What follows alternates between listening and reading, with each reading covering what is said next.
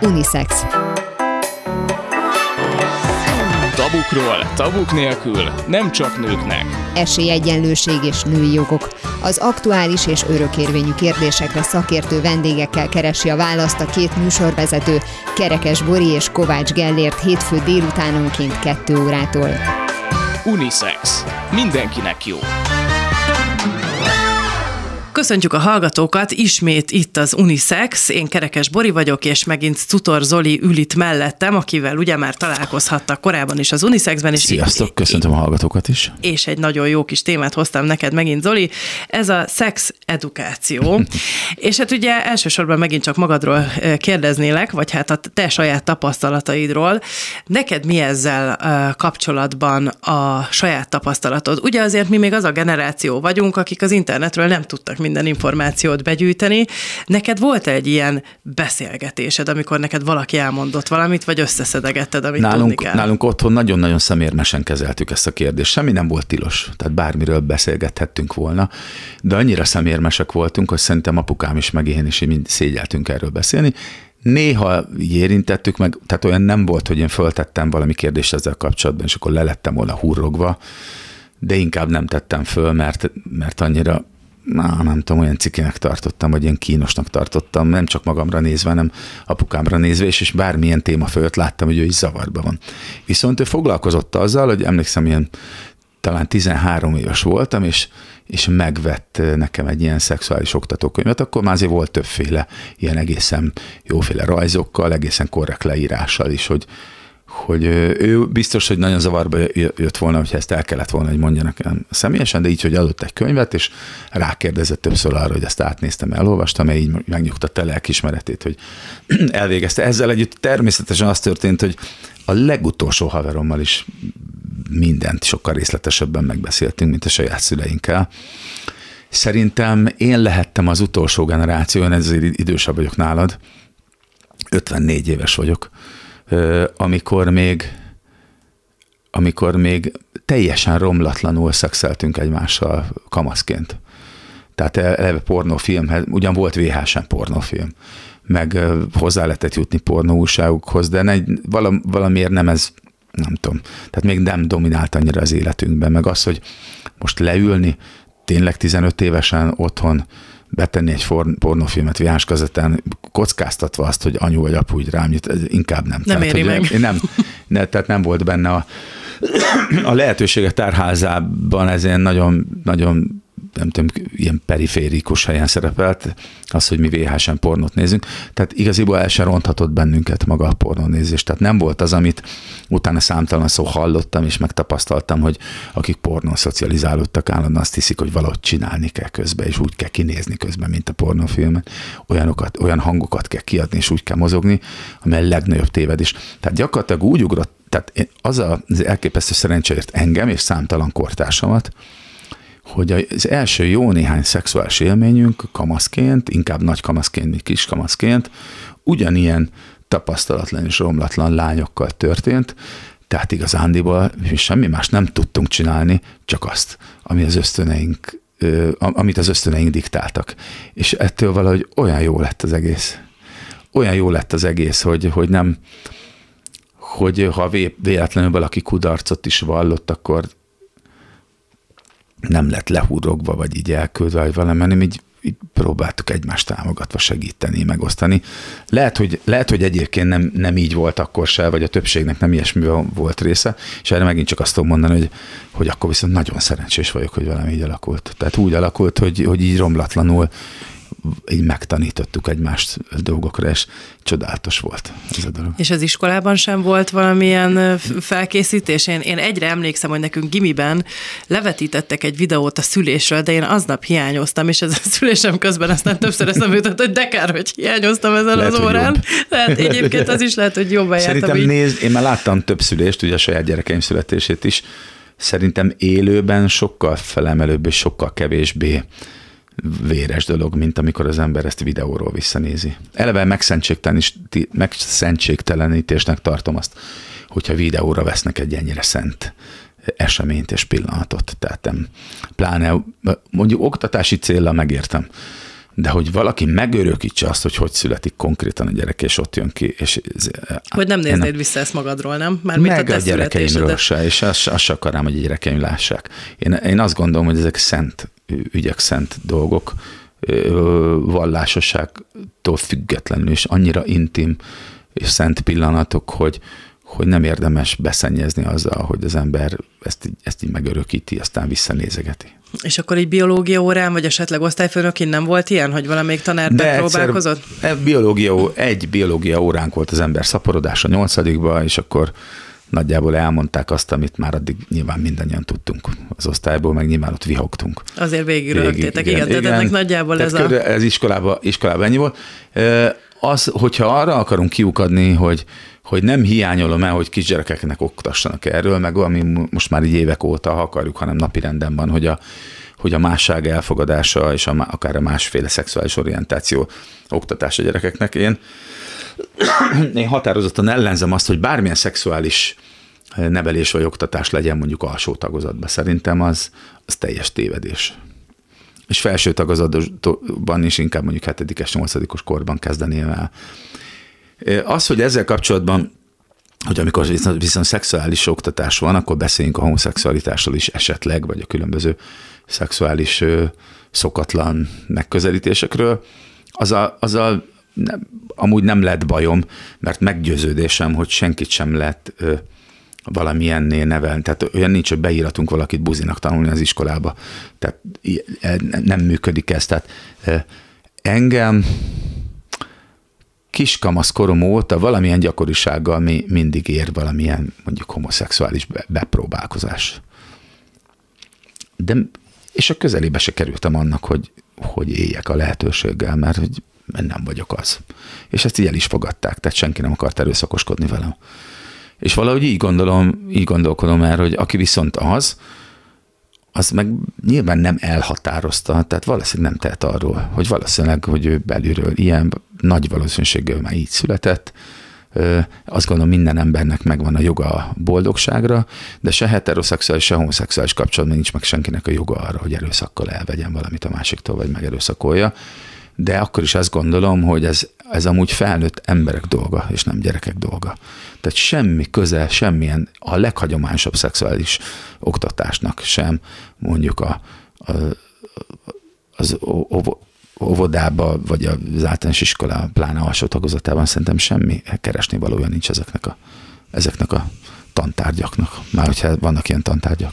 És te apaként hogy állsz ez a kérdéshez? Hogyha majd kérdeznek, válaszolsz, vagy van valami terve? Nyilván, mert eddig is volt olyan, hogy kérdeztek, próbálok nyíltan és, és megértően hozzáállni, de pontosan ugyanaz zavarba vagyok, mint én kis kamaszkoromban, és amilyen zavarodottságot akkor láttam apukámon.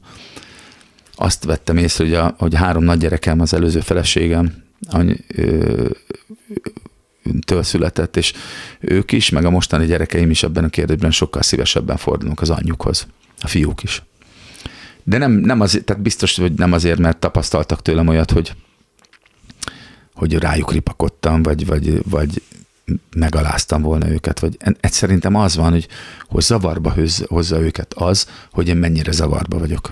És akkor inkább az anyukhoz fordulnak, de közben nyilvánvalóan állok elébe, tehát nem, nincs ez a kérdés szerintem, amit ne tudnának velem megbeszélni, és ezt ők is tudják. Hát, és ezt a zavarbelevést te szerinted pusztán otthonról hozott te is, vagy, vagy nehéz az embernek a saját gyerekét úgy látni, hogy, hogy te is tudod, hogy miket csináltál? Inkább az utóbbi, így... inkább az utóbbi, hogy, a, hogy mint ahogy egészségesen szerintem a, a férfi ember nem kívánja meg a, a hugát, nővérét, anyját, rokonait, pláne vele egy neműeket, mert, mert tényleg borzasztó istenkáromlás, vagy még annál is több. Így ezekről a dolgokról beszélgetni velük is nagyon más. Tehát ez, ez olyan, hogy, hogy mondjuk a feleségemmel, hogyha szerelmeskedek, nagyon nem szeretném, hogy eszembe jusson apám vagy anyám közbe. Tehát, mert hogy akkor vége van, az, az olyan, mint egy tarkólövés közbe. Tehát, hogy valahogy nekem a, a szexuális intimitáshoz az, hogy a szülők, ezt a szülőkkel bármilyen szinten megbeszéljük, ez, ez érzelmileg nem, nem állt még össze az én fejembe, és lehet, hogy már nem is fog. Na de és akkor ez most jó vagy nem jó, hogy ők ennyi forrásból tudnak már információt gyűjteni? Hát abból a szempontból biztos, hogy nagyon káros, hogy, hogy amit ők szexnek látnak, és most már bármikor elő tudják venni a fiókból, vagy a zsebükből, vagy, a, vagy tényleg konkrétan már az okos órán is, ha akarnak szexet néznek, és nyilván akárhogy van beállítva a telefon, meg akármit csinálunk. Tehát ezek úgy mutogatnak már alsó tagadatban is egymásnak pornót, meg bármilyen ö, ilyen a legdurább szexuális tartalmat, ami kikerülhetetlen. Ö, az, a, az a szörnyű, káros dolog van ebben, hogy, hogy majd azt hiszik, hogy ezeket így kell csinálni. Majd azt hiszik, hogy, hogy úgy kell kinézni közbe, mint amit ott látnak, és ez szerintem rettenetes sok kárt okoz. Egy szexológus egyszer összekeveredtem az RTL reggelibe, sajnos nem teszem be neve, de egy, de egy nyugdíj közeli férfi volt, és mondta, hogy csak az utóbbi években vannak tizenéves ügyfelei, korábban nem voltak soha, hogy tizenéves fiúk tömegesen keresik meg merevedési zavarral. Ugyanis mire eljutnának abba a helyzetbe, hogy ténylegesen szexuális aktust tudnának végrehajtani, addigra annyi pornót néznek, és durva pornót, hogy már a valódi, Inger tényleges szegény. szexuális helyzet nem éri el az inger mhm. küszöböt uh-huh. náluk, és nem tudnak mondjuk merevedést produkálni. Miközben ténylegesen az volt, hogy nálunk, hogy, emlék, hogy az is lehetett mondjuk 14 évesen a maszturbációs fantáziám, hogy egy egy jó fenekű nő fölment előttem a buszon a lépcsőn, és kivillanta, mint a combja belsője, vagy nem tudom, ebben a műsorban lehet -e ilyeneket mondani, vagy se. Mond. Már kimondtam. De hogy, de hogy emlékszem, hogy az egy olyan, hogy olyan élmény volt, hogy így belevésődött az agyam meg a retinám, hogy fúristen, tehát, és akkor, hogy, hogy mit csinálnék vele mert hogy nem, nem, nem volt az, hogy beírsz a keresőbe bármit egy pornóldon, és aztán korlátlan mennyiségű olyan pornót nézel 12 évesen, amilyet akarsz. Ez nagyon szomorú dolog, de nem tudom, mit lesz ezzel kezdeni, és mivel az emberiség történetében soha nem volt korábban ilyen helyzet, nem tudom, hogy valahogy nem azt okozza majd, hogy, hogy azok a kultúrák, ahol ez ennyire hozzáférhető, azok majd kipusztulnak.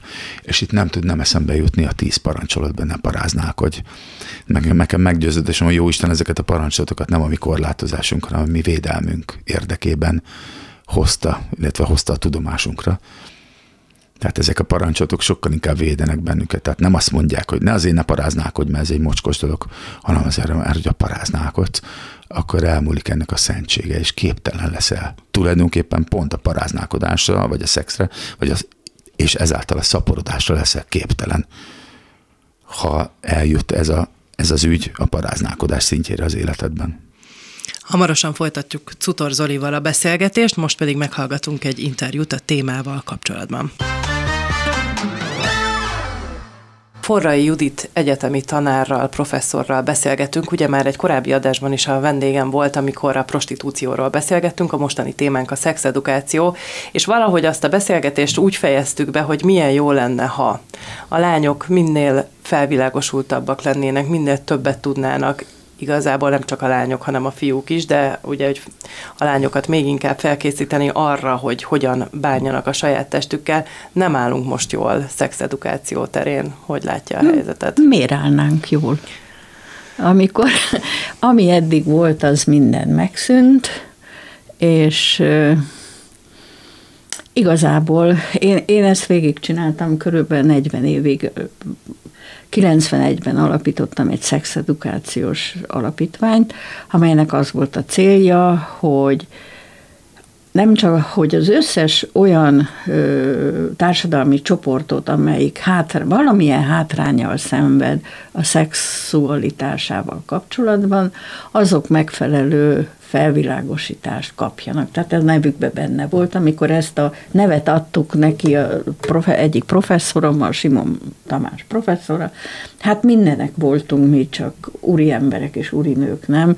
Hogy egy ilyen angol jövevény szót itt meghonosítani Magyarországon próbáltunk, hát azóta ez már átment a tudatba, de érdekes módon a, amelyik politikai irányzat foglalkozik ezzel, az olyan nevet ad neki, tehát nemi nevelés, családi életre nevelés, szexedukáció. Tehát ezekből az elnevezésekből már lehet tudni, hogy körülbelül milyen irányt vesz a, a szexuális vagy nemi felvilágosítás. Ugye a századfordulón volt a nemi felvilágosítás, aztán jött a családi életre nevelés. Na, szóval visszatérve az eredeti kérdéshez, hogy a különböző ö, csoportokba beletartoztak a, a elsősorban a serdülők, ugye a serdülők. A serdülőkön belül aztán jöttek az állami gondozottak, akikre külön fókuszálni kellett. Aztán jöttek a, a idősek, jöttek a romák, jöttek a prostituáltak, jöttek az értelmi sérültek. Ezekkel mind külön-külön foglalkoztam, és benne voltam az első NAT-ba, a Nemzeti Alaptantervbe, akkor volt szexuális felvilágosítás, tehát a, a, azt a részét azt én dolgoztam ki, néhány munkatársammal, és és akkor beindult egy ilyen ö, olyan, tehát ez a rendszerváltás utáni időszak volt, és akkor még volt a hívét járvány, amikor még nem gyógy, tudták, nem hogy gyógyítani, de kihúzni az időt. Tehát aki megkapta a 80-as években a, a hívét vírust, az ö, garantáltan 8-10-12 éven belül meghalt de most már túlélők vannak, tehát 30 évig, 40 évig ki lehet húzni egy hívfertőzést. Tehát nem kell belehalni. De hát ez egy akkor nagyon éles harc volt, vagy háború volt, úgyhogy hogy muszáj volt a serdülőkkel foglalkozni, hiszen ők voltak a legérzékenyebbek, a legnagyobb kockázatnak kitéve. És ezekből mind tantervek, tankönyvek lettek, tananyag, tanári anyag, képeztünk háromnapos tréningeken orvosokat, nővéreket, védőnőket, tanárokat, kidolgoztuk a tanári programját ennek a dolognak. És hát aztán, ahogy haladt az idő, és ahogy változott a politika, új idők, új dalai, úgyhogy a szex egyáltalán nem volt, nem lett fontos. Fontos volt, de nem úgy és nem olyan bár meg hogy mondjam, hogy 1996-ban az ENSZ és a WHO segítségével a szexuális jog kartáját meghozták, ami nagyon hasonlít az emberi jog kartájához, 12 pontban, ami ugye emberi jogok, meg stb. stb., de az, az információhoz való jog, az is ugyanolyan emberi jog, mint az élethez való jog. És ezt valahogy elfelejtettük, vagy talán itt Magyarországon nem is volt annyira kiemelt helyem. Vagy ez is lehet, hogy valahogy úgy tekintünk rá, hogy már pedig az információt most már bárhonnan be lehet szerezni az internetről, viszont azért arról is szó esett már többször, hogy azok a fiatalok, akik mondjuk ilyen videókon és ilyen tartalmakon nőnek fel, nem biztos, hogy egy szexuális, egy egészséges szexuális életet fognak élni, hiszen ezek általában túlingerelt dolgok amiket látnak. Nyilván nagyon jól mondja és mutat rá a lényegre, hogy ahhoz, hogy sok kattintás legyen a, a, az interneten, ahhoz valami túldimenzionált dolog kell. Tehát a pornó és ezek a agresszív viselkedésre való felhívások, ezek bármilyen tekintetben, ezek, ezek tarolják az internetet. Tehát nem azok a tartalmak, ami érzelem alapú szexualitást jelentene, hiszen az életünk legszebb része a szerelem és a szex. Hát e, e, ez, ez a legfontosabb része. Aztán jön a munka, meg jön a hivatás, meg jön a minden más, de hát ha az ember nem boldog, és az ember nem kiegyensúlyozott, és nem találja meg a boldogságát a partnerével, akkor, akkor milyen életet él az ember? Igen, mondjuk ki. Akkor hány depressziós ember van, hány e, szingli ember van, hány, e, tehát teljesen társas lények vagyunk, és az egyik legcsodálatosabb része az életünknek a szexualitás, az érzelem alapú szexualitás, tehát a pozitív szex, nem az erőszak, nem a pornográfia, nem a szadizmus, hanem, hanem boldognak lenni. Tehát egy rossz végét foghatják meg most a, a fiatalok ennek a dolognak, hogyha hogyha ugye ezeket a tartalmakat nézik, ahelyett, hogy erről érdemben beszélnénk. Én miközben beszélgetünk, nagyon kotoráztam az emlékeimben, hogy akár általános iskola végén, vagy gimnáziumban volt-e nekünk ilyen felvilágosító óránk, de nem emlékszem rá, még biológia órán sem, arra viszont emlékszem, hogy nyilvánvalóan azért így szóba kerültek ezek a dolgok, amiből általában nagy nevetgélés lett, a tanár zavarba volt, a diák zavarba volt. Hogy lehet ezt úgy csinálni, hogy valóban tudjunk erről a témáról beszélni. Nyilván egy olyan hozzáállás kell ehhez a felnőtt részéről is, hogy... Hát azt hiszem nem árulok el nagy titkot, hogy ez egy szakma. Tehát mindenki el tudja mondani a saját élményét, addig, ameddig a saját ö, filozófiája engedi, tehát mindenki annyit beszél róla, amennyit megenged magának, vagy amennyit bír, hogy, hogy hát erre fel kell készülni, hát e, erre vannak technikák, erre vannak módszerek. Én ezt tanultam Amerikába, Izraelbe, Angliába, rengeteg helyen tanultam. E, e, ezek módszertani kérdések, hogy hogy lehet úgy beszélni a szexről, hogy, hogy nem unalmas, nem orvosi, nem hadova szöveg, nem ilyen, jaj, de szép a szerelem, meg éppen most a nagyobbik unokámon töröm a fejemet, hogy hogy, hogy hogy fogok vele. Először engedélyt kértem a szülőktől, mert ugye ez a szülőknek, a, ez a család belső ügye, hogy hogy neveli a gyerekét, és hogy akarja, milyen irányba akarja.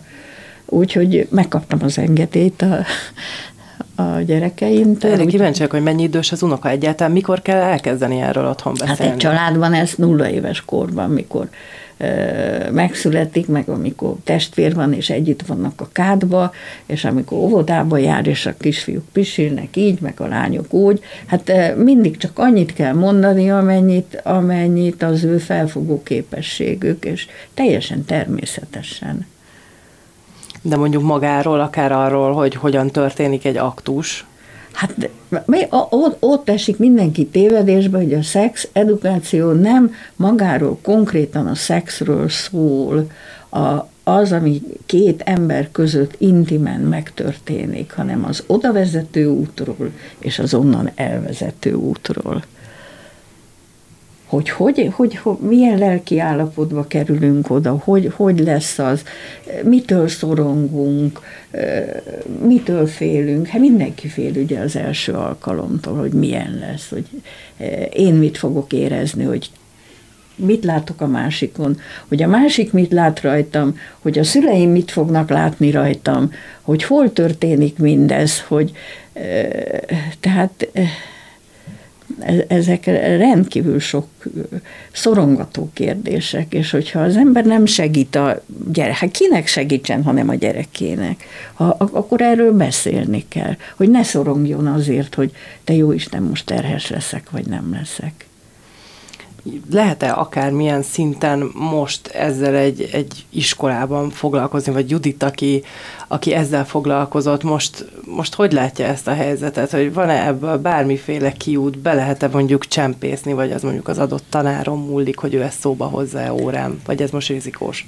Hát ez a tanrenden múlik, meg a igazgatón múlik, meg a meg a tanterven múlik, de vannak kezdeményezések, szóval azt nézem itt nagy örömmel, hogy vannak, akik viszik a fákját tovább, és a felfedezés abszolút naiv örömével végre itt van, a, ők feltalálták a szexuális nevelést, tehát ez, ez nem csak a rendszerváltás után volt, hát előtte is volt, meg azelőtt is volt, meg mindig volt, csak a megfelelő módon, a kornak megfelelő módon volt. Russzó is már nevelte a gyerekeket, szexuálisan felvilágosította őket, és neki az volt az elgondolása, hogy a fiúkat kórházba kell vinni, és megmutatni nekik a szifiliszes beteg gyerekeket, hogy erre tenjenek attól, hogy idő előtt nem életet éljenek. Egyébként ez érdekes, hogyha így visszagondolok, az nem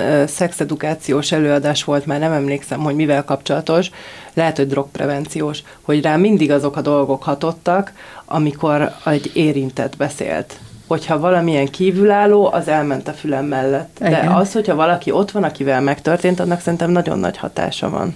Igen talán ez, ez lehet mondjuk egy, egy jó módszer. Hát a, a iskolában a serdülők között is ugye az a nagy menő, aki már túlesett rajta, és akkor mindenki csügget ajakkal nézi, a, a, a, hogy mi, mit mond, meg hogy mondja. Tehát ez egy, ez egy szociológiai módszer, ez a hólabda effektus, amikor kiválaszt az ember nagy hangú embereket egy társaságból, azokat neveli, felvilágosítja, információval látja, és visszaengedik őket a, a társaságba, és akkor már azt mondja, és mindenki rájuk figyel, ez, ez volt a hívét felvilágosításnál is, a melegeknél, a meleg bárokban például. De bár, bármilyen témában meg lehet ezt csinálni. Tehát ezek módszerek. Ugye ezt említette, hogy az állami gondozottakkal is máshogy kell beszélni, az értelmi fogyatékosokkal is máshogy kell beszélni erről a témáról. Valahogy egyszerűen el lehet -e ezt mondani, hogy, hogy mi, mik azok a módszerek. Most nyilván nem tanácsot akarunk adni, mert ezt szakembernek kell csinálnia, de hogy mondjuk egy értelmi fogyatékossal kapcsolatban, vagy neki, hogy lehet erről beszélni? Hát nagyon nehezen.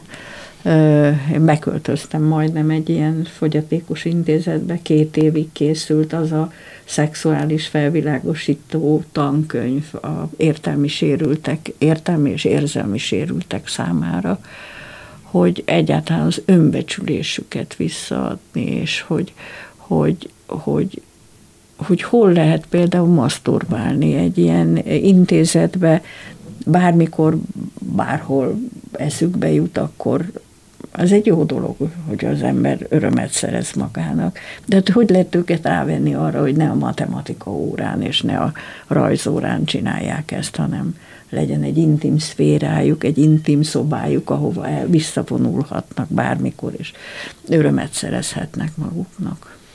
És ezt gondolom jellemző arra is, hogy akár egymással kapcsolatban a határokat hogyan tartsák meg, mert Igen. gondolom akkor ebben sem feltétlenül Igen igen. vannak meg a szabályok. Attól, hogy valaki értelmi sérült, attól a hormonjai még termelődnek, és attól még szexuális, még mindenki szexuális lény. Aki azt mondja, hogy nem szexuális, az ő szexuális lény, az csak nagyon elnyomja magába. Nem mondom, hogy hazudik, csak elnyomja, valamiért elnyomja magába. És akkor például az állami intézetben nevelkedőkkel kapcsolatban mi lehet az az út? Ugye itt azért egy olyan előéletről van szó, olyan sérülésekről van szó, ugye ha már a prostitúció szóba került, hogy ők aztán abszolút a céltáblái is ennek az iparágnak is. Ezek leginkább a szeretet hiányban szenvednek, és a család hiány, az odafigyelés, a központúság, tehát hogy sose voltak központi helyzetben, sose voltak szeretve, úgy, ahogy, ahogy más családban volt. Tehát itt akkora érzelmi deficittel rendelkeznek ezek a fiatalok, hogy egyébként az értelmi sérülteknél is egy ilyen szexuális aktusnál, amikor központi szerepet játszik az egyik, a másik, akkor azért érdemes neki bárkivel lefeküdni bárhol, mert abban az öt percben csak ráfigyelnek. És akkor ez is, a, de ez ugyanúgy érvényes a férfiakra, és a fiúkra, és a lányokra igen, is? Igen, igen. Uh-huh. Csak mondjuk a, ez az érzelmi deficitség, ez egy nagyon nagy agresszióba megy a, a tehát egy kompenzációba megy a, a fiúknál a lányoknál is nagyon kegyetlenek tudnak lenni. De jellemzőben mondjuk a lányok jobban ki tudják emiatt magukat szolgáltatni, vagy ez nem igaz? Tehát, hogyha ha, ha már ugye beszéltünk így a, a testiségről, ez jellemzőbb a lányokra, hogy, hogy mondjuk azért, hogy figyelemben részesüljenek, odaadják magukat, vagy pedig ez egyértelműen ugyanúgy a fiúkra is jellemző? Hát a fiúk valamivel könnyebben oldják meg ezt a dolgot, mert, mert ugye egy fiú az, az mindig sokkal aktívabb, mint egy lány. egy fiú még elmehet betörni, meg, tehát még egy csomó lehetősége van egy lánynak, hát ő is elmehet betörni, persze. De mondjuk jellemzőbb, hogy, Igen. hogy inkább meg talán az is lehet, hogy a, a fiúknál már az is a figyelemnek a része, hogyha mondjuk akár erőszakkal, vagy bármiféle más úton, módon megkap egy lányt. Egy, talán fordítva, ez Igen. nem igaz? A, példának szeretném mondani a prostitúcióban, hogy amikor a, a strici, vagy ugye most már elegánsan prostitútornak nevezzük, hogy aki biztonságot ad, vagy felügyel rájuk, vagy vigyáz rájuk, az egyfajta nagyon komoly emberi kötődés a, a nők részéről. És akkor gyakran beleesnek a szerelembe, holott erről egyáltalán nincsen szó, mert van még másik öt vagy tíz nő, akire fel, felügyel vagy vigyáz az illető. Persze, igazából valahogy én is erre gondoltam, plusz még az jutott eszembe, hogy azért a lányok szerintem gyakrabban határozzák meg magukat azt a külsejük szerint. Márpedig az, hogyha valakire sok hát szépen fogalmazva sok fiú udvarol neki, de mondjuk esetleg sok fiú fenn akad neki a orgán, akkor, akkor le, értelmezheti ezt ő úgy, hogy ő valamiért kiemelt a többiek Igen, közül. hogy ő fontos, és hogy ő pénzt keres, és hogy ő odaadja, és hogy ő családfenntartó, és hogy őre figyelnek. Igen. Most egyébként foglalkoznak az állami gondozottakkal ebben a tekintetben? Biztos egy csomó helyen foglalkoznak. Persze muszáj, mert, mert ez napi probléma. Tehát amikor kimennek szabad időre, amikor elhagyhatják az intézetet, hát akkor mindenki, én már jártam úgy, hogy elmentem a egyik leghíresebb lánynevelő intézetbe, és csak a féltársaság volt ott a másik fele, a mellette lévő utcán éppen dolgoztak, idézőjelben. Egy, egy állami gondozottnak a világon semmilyen nincs, maradt a teste egyedül, tehát csak a testén, testéről tud dönteni. A, az, a, pénzéről nem tud dönteni, mert nincs, lakásáról nem tud dönteni, mert nincs, családjáról nem igazán tud dönteni, mert nem tud. Miről tud dönteni? Arról. És ez, ez a probléma a fiatalokkal is, a, a tinédzserekkel is, hogy, hogy ez az egyetlen egy önmaguk tulajdona a saját testük, és ezért kéne nagyon odafigyelni, hogy, hogy csak akkor és azzal és úgy, ahogy a legideálisabb, nem azért, mert a többiek már túl vannak ezen, vagy egy pénzt akarok ebből. Hát ha nincs hol aludnom, és ezért le kell feküdnöm egy borzalmas pasival, akkor most, amíg jöttem ide a rádióba, a metróba, egy fiatal lány jött és hozzám, hogy adjak egy kis pénzt, mert hogy, hogy állami gondozott. Akkor itt valóban nagyon mélyen vissza kéne nyúlni a problémához, amit most jelenleg tényleg nem igazán látszik, hogy, hogy mi az, ami megoldás lehet. Reméljük, hogy ez a Minden esetre változik. a nőknek a kiszolgáltatott helyzetét, és a nőknek a, a, azt a helyzetét, hogy, hogy erőszakkal, vagy, vagy szép szóval, vagy álszerelemmel bevonják a, a ezt kéne valahogy megszüntetni. Tehát a rekrutációt. Valószínűleg csak egy idealisztikus elképzelés, mert azt, ami ilyen maffia hálózaton keresztül működik, felszámolni sehogy se lehet, de hogyha intézményesítenék, hogyha lennének megint bordéházak, ha szabályozva lenne ez, lehetne jobb a helyzet, nem? Nem, a bordéház nem megoldás. A bordéházban nagyon kevesen férnek be.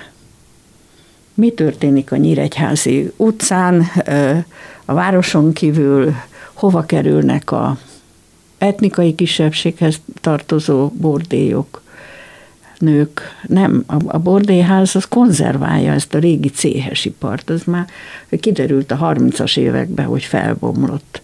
Annyiféle variációja van a, annyiféle megnyilvánulási formája van a prostitúciónak, és ma már magánlakásokban két-három nő összeáll, de van felügyelőjük, van támogatójuk, védelmük idézőjelbetéve, akik gondoskodnak róluk. Hát Sőt, hát azt gondolnám, hogy az internettel összefüggésben talán még rosszabb is lehet a helyzet, mert a kommunikáció meg most így teljesen szabadon. Teljesen átment a, a, az interneten, és fel is emelkedett a internet prostitúció, különösen a Covid alatt. Senki nem gondolta volna, hogy a Covid alatt ez ekkora nagy amplitudóval fog működni. Tehát akkor ez gyakorlatilag egy olyan probléma, amire így jelenleg nem tudjuk, hogy mi lehetne a megoldás? Szóval, ha kis lépésekből indulunk el, akkor az kéne, hogy ne kerüljenek bele a nők, ahhoz, hogy ne kerüljenek be, ahhoz ezt a nagyfokú világszegénységet, ami van, ezt, ezt a prostitúció farvizén nem lehet megoldani. Tehát de nézzük meg a magyar társadalmat, ahogy teljesen szétnyílt az olló, vannak a minimálisan nagyon gazdagok, és egyre több az elszegényedett ember. Tehát ez egy olyan társadalmi problémában gyökeredzik, amihez nagyon vissza kéne mennünk, és nagyon Igen. kéne. Ez csak az egyik jelzőpontja a prostitúció valahogy nem lehet-e, azon gondolkozom, kihasználni, a, mert azért ezekről a kérdésekről sokszor nem merünk, akár idegennel, akár családdal beszélni, vagy zavarban vagyunk, hogy az olyan dolgokat, amik anonimitást biztosítanak, mint a telefon, meg az internet, nem lehet, hogy ezeket az eszközöket valahogy jobban, ügyesebben kéne használnunk, vagy hát ugye ahhoz nyilván az is kellene, hogy, hogy a fiatalok használják erre a célra őket, tehát mondjuk felhívják ezt a telefonszámot, vagy hát, hogyha lenne ilyen anonim kérdezési lehetőség az interneten, akkor kérdezzenek. Hát ezt fenn kell tartani, ez pénzbe kerül, ezekre szoktak pályá, szoktak volt régen pályázatot kiírni, de ma már ilyen pályázatok nincsenek. Tehát mikor azt mondják, hogy mit tudom én, hány szegény ember van, meg fedél nélküli, akkor nem a prostituáltakkal foglalkozni. Tehát nagyon, nagyon nehéz ma, ma pályázni egy ilyen bármi. Lehet bűnmegelőzésre, lehet drogra, lehet prostitúcióra. Kit érdekel? Amennyiben nem áll szakértelem a felvilágosítás mögött ezzel lehet-e nagyon nagy károkat okozni? Most csak az jutott eszembe, ez egy kicsit ilyen kedvesebb vagy viccesebb dolog, hogy mi ugye ezen a Bravo újságon nőttünk föl, amiben volt a szexszerelem gyöngétség rovat. A mai napig az összes barátnőmmel együtt mindannyian emlékszünk rá, hogy micsoda bugyuta dolgokat írt. Hát gondolom ezeknek a x százaléka lehetett valódi levélíró, Igen. a többit meg ugye ők kitalálták, és hogy hát nem tudom, szóval, hogy, hogy azért nekünk ez volt a fő forrásunk hogy ezzel lehet-e valami teljesen ellentétes dolgot elérni, vagy már az jó, hogyha egyáltalán beszélünk a szexről? Hát az jó, ha beszélünk a szexről. Hát nyilván ahhoz meg az újságok kellenének, hogy ne a kitörtve hova, meg kinek ezek a ki dubajozott itt, és ki Dubaj, kinek milyen jachtja van, hanem olyat kell lenne, ami sokakat érdekel, de ahhoz viszont olyan tulajdonos kell, aki ezt érdekel, aki felhagyja a szakembereket, aki olyan profilt ad, hát lehetnének honlapok, meg lehet, de hát ahhoz ott kell ülni, a kérdésekre válaszolni kell, azért fizetni kéne, de miből, ki, hol, hogy. Meg egyáltalán foglalkozni kéne akkor a témával. Igen. Nagyon szépen köszönöm Forrai Juditnak, hogy az Unisex vendége volt. Én köszönöm a meghívást.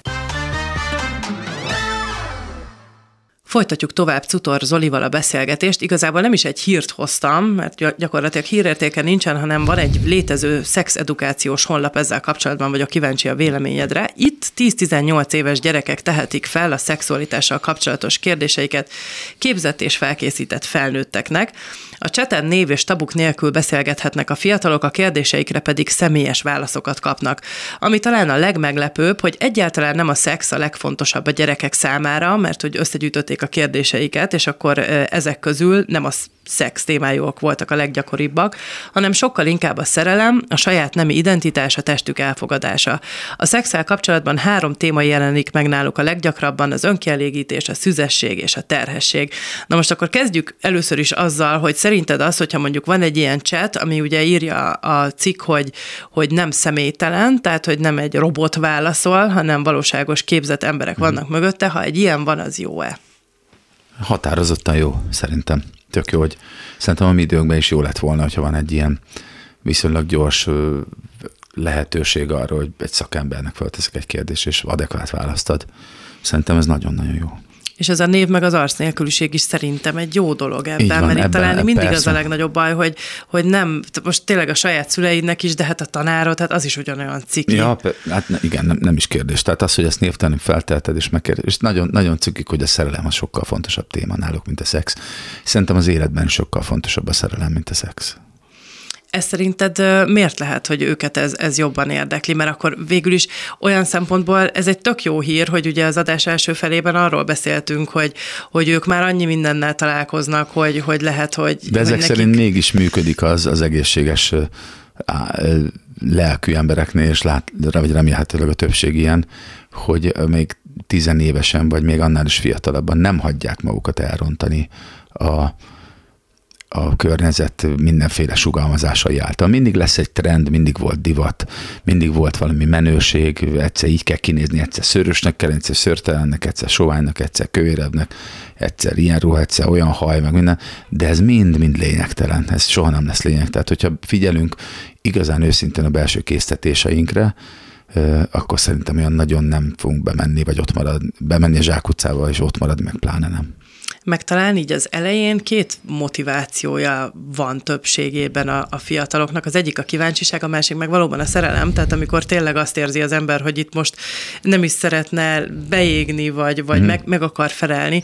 Te hogy emlékszel vissza, ha beszélsz erről az első alkalomról, hogy neked mi volt Képzeld, én arra emlékszem, hogy ugyan nagyon-nagyon érdekelt a szex nyilvánvalóan, tehát én me- me- megbolondultam, tehát én minden, minden gondolatom szinte az volt, de különösen az első időkben nekem nagyon nagy erőfeszítés volt összekötni a szexet a szerelemmel.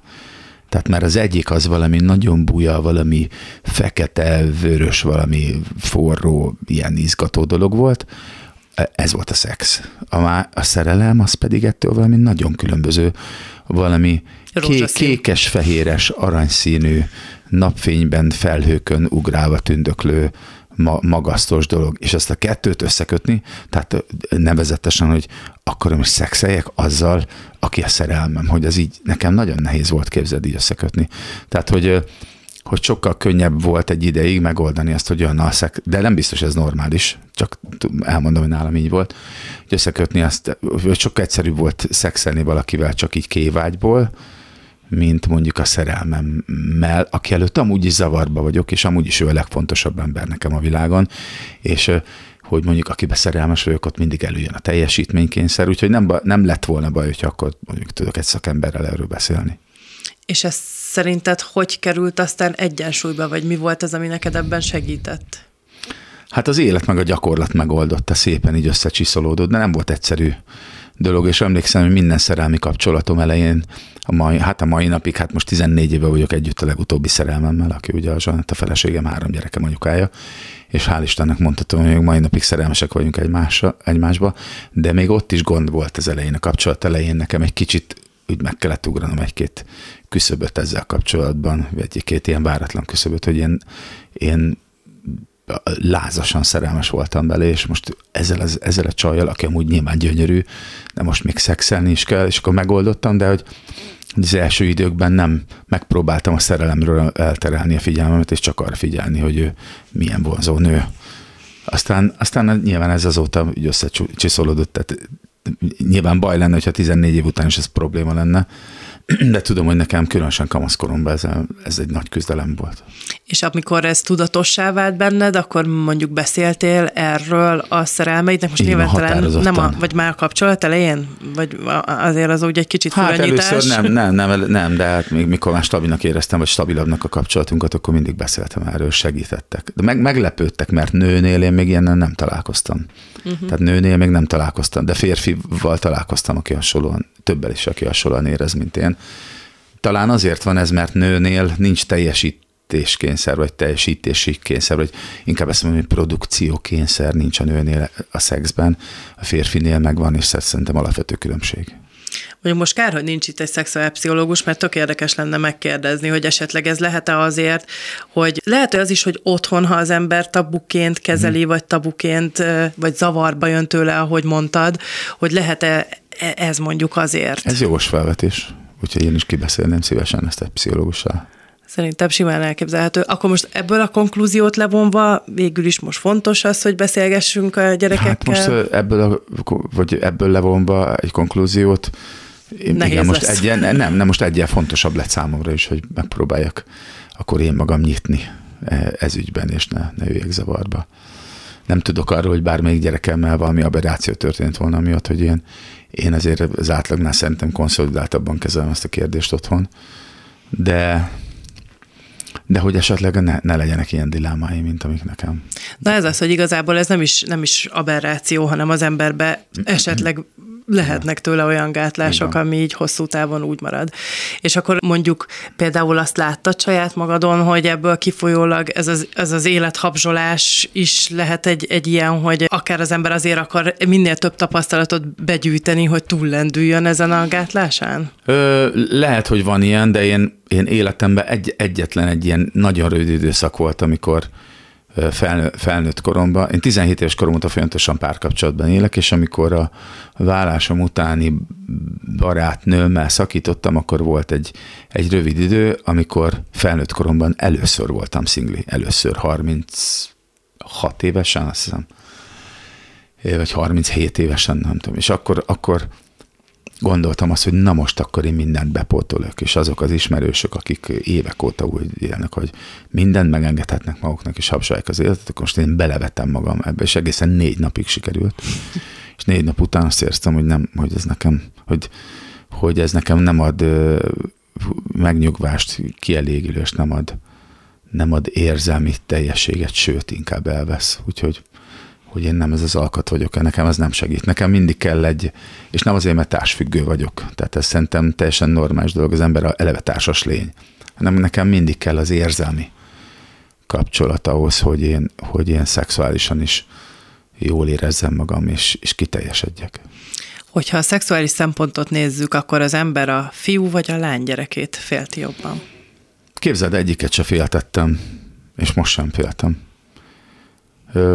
ha féltem valamitől, akkor attól, hogy, hogy, hogy ők túlságosan visszafogottak, vagy konszolidáltak. De egyelőre nem, nem félek attól, hogy, hogy áldozatul esik. Nem, nem is testi dolgoktól féltem, amúgy se őket, még a lányokat se, sokkal inkább érzelmi dolgoktól. Tehát az mondjuk sokkal nagyobb aggodalom bennem, hogy ők a, a tiszta lelkesedésükkel mondjuk belevetik magukat egy szerelmi kapcsolatba, és esetleg ott mi lesz a csalódás éri őket, mert minden ember életében van ilyen hogy azt majd hogy kezelik. Tehát nem attól félek, hogy szexuálisan valami inzultus éri őket, vagy, vagy bármi ilyesmi, hanem sokkal inkább az, hogy érzelmileg majd őt csalódnak, ami ö, tehát nem, nem akarom, hogy mondjuk úgy megkeseredjenek ettől, hogy valami butaságot csinálnak. Ez például, ez az aggodalom sokkal többször eszembe jut, mint az, hogy esetleg őket kihasználják, vagy szexuálisan valamilyen bántódás éri őket.